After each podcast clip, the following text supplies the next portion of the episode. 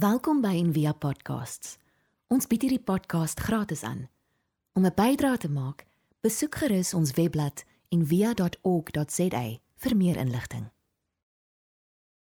In Johannes de Villiers se boek Meer as jou seer kry, groei as jy stikkend is, skryf hy: Daar's 'n ou Indiese gesegde dat teenspoed voel soos om deur twee pile in dieselfde wond getref te word. Die eerste pyl se naam is pyn. Die tweede een is swaar kry.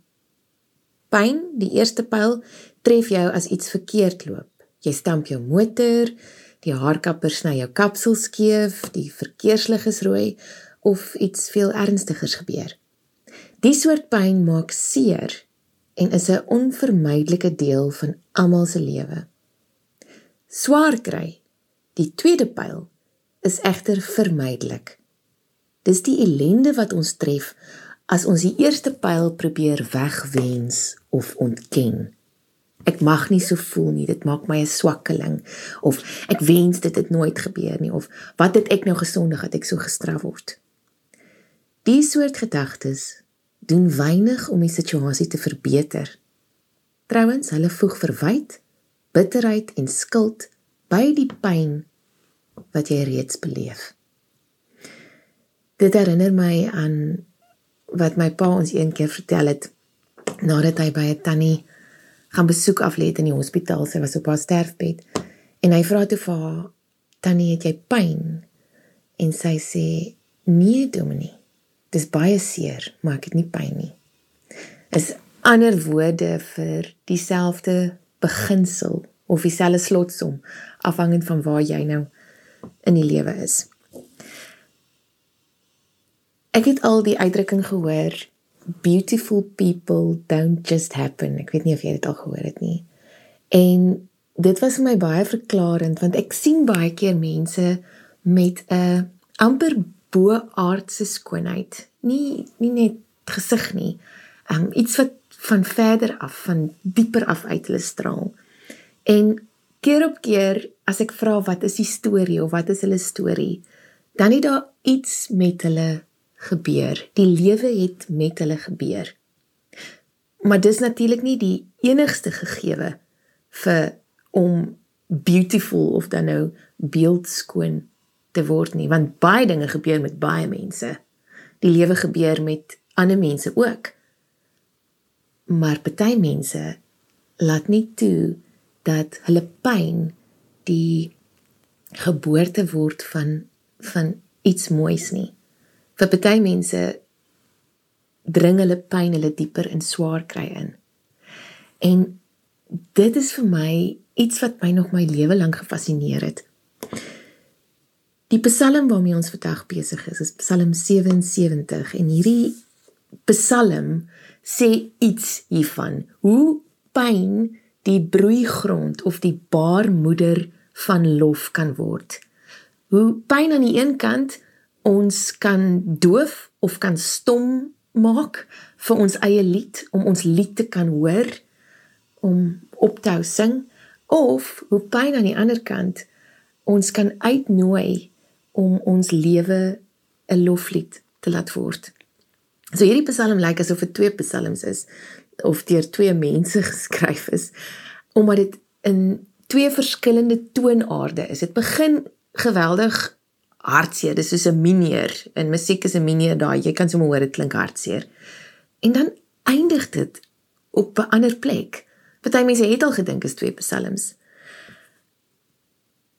En my vraag die heeltyd in my omgang met hierdie psalm is: waar waar kom die verskywing plaas? Wat wat veroorsaak hierdie verskywing? Dis eintlik meer as 'n verskywing. Dis wat veroorsaak hierdie hierdie transformasie, hierdie algemie wat ons hier raak sien. So dit begin met 'n geweldige inwendige stryd. Die message vertaling um gebruik hierdie woorde I found myself in trouble and went looking for my lord. My life was an open wound that wouldn't heal. I'm awake all night, not a wink of sleep. I can't even say what's bothering me. So ons het te doen nie met iemand wat nie eers kan slaap of praat nie. Hy's neerslagtig. Die lewe het vir hom plat gedruk. En enige mens wat al die omsluitende druk van 'n donker bui of pyn geken het, um kan dankbaar wees vir die openhartigheid en moed van hierdie medeleier in Psalm 77 wat wat Asaf is. Um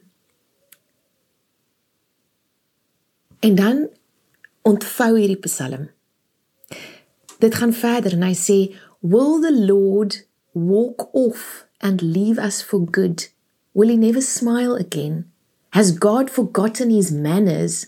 Kan jy glo dat iemand so iets sê? Nou Eugene Petersen se vertaling wat ek nou hier lees, was daarop uit om die psalms um so rou as moontlik, so na as moontlik aan hulle oorspronklike Hebreëse vorm te kry want hy sê daar was niks blink gevryf of ordentlik omtrent daai psalms soos wat baie van die vertalings later gemaak het nie. Has god forgotten his manners? Just my luck i said. The high god retires just the moment i need him.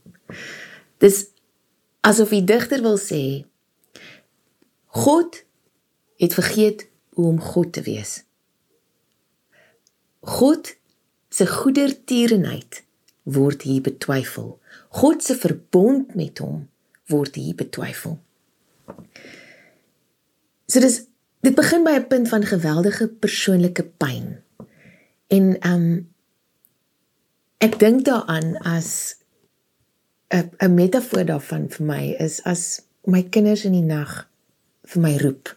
Dit begin altyd sag, dit begin so mamma, mamma, um omdat hulle weet ek is daar, omdat hulle aanneem ek is daar. En as ek nie onmiddellik antwoord nie, word die uitroep al harder. Mamma, hulle roep omdat hulle weet ek is daar. Maar hulle roep harder omdat hulle nie seker is ek hoor hulle nie. So hier is die eerste sleutel van hierdie van hierdie Psalm, hoe hierdie inwendige stryd wat ons sien aan die begin omkeer in troosryke herinnering aan die einde. Uitroepe van nood. Harde uitroepe na God. En vir ons mag dit dalk vreemd klink. Vir Jesus was dit nie vreemd nie. Hy het ook hard uitgeroep na sy Vader. En hierdie Psalm, die hele vloei van die Psalm loop reguit in lyn met die reis van Israel, van Jakob wat Israel geword het, van Israel wat in Egipte in slawerny vasgevang is en wat uitgelei is deur God. Die die Israeliete het 'n 'n credo gehad in die Ou Testament. In Deuteronomium word dit twee keer genoem en in Josua. Um wat sê ons was slawe van Farao in Egipte, maar die Here het ons deur 'n sterke hand uit Egipte uitgelei. Dit was wat van geslag tot geslag oorgelewer is. Dis hulle storie. Aan die een kant, ons het hard uitgeroep en geskree en aan die ander kant, die Here het ons gehoor en gesien en onthou. So die persoonlike klaaglied ontvou nou. En dit lyk asof daar 'n rede is daarvoor. En ek wil dit nie 'n geheim noem nie. Daar's 'n paar sleutels. Wat wat gebeur in hierdie Psalm? Hoe hoe begin hy van ek ek ek ek na u? Hoe hoe word I thou? Die tweede ding, behalwe vir hierdie uitroep, harde uitroepe na God, wat ek raak sien hier, is dat die psalmdigter soek. Ehm um, die Een vertaling sê I remember my song in the night and reflect on it. My spirit searches for an answer. In 2 Korintiërs 13 staan daar: Ondersoek jouself, ondersoek jouself of jy in die geloof is. En hoe hoe soek sy gees hierso of eerder, hoe word hy ondersoek deur God? Hy beantwoord sy eie vrae met nog vrae. Ehm um, nie met antwoorde nie, met nog vrae. Sal die Here aanhou om sy gesig na my toe te draai? sal hy sy goedertierenheid aan my openbaar. Die derde ding wat dan gebeur, hy onthou die gemeenskaplike lied. Hy onthou wat die Here in die verlede gedoen het vir sy volk. Dit is um, amper 'n kanonieke herinnering. Hy onthou die credo. En dan hy mediteer of hy reflekteer of 'n ander woord wat ons baie gebruik, hy kontempleer en die die die woord wat um Eugene Peterson daarvoor gebruik of die woorde, hy sê I ponder all the things you've accomplished and give a long loving look at your acts. Dis dieselfde definisie vir kontemplasie wat baie ander mystics gebruik. Taking a long loving look at what's real. Hy laat toe dat die kragtige herinnering met sy eie lig en sy eie logika, die feite van die geloof, as mens dit ooit in een sin kan um kan so sê. Hy laat toe dat dit deur sy hopelose lens skyn.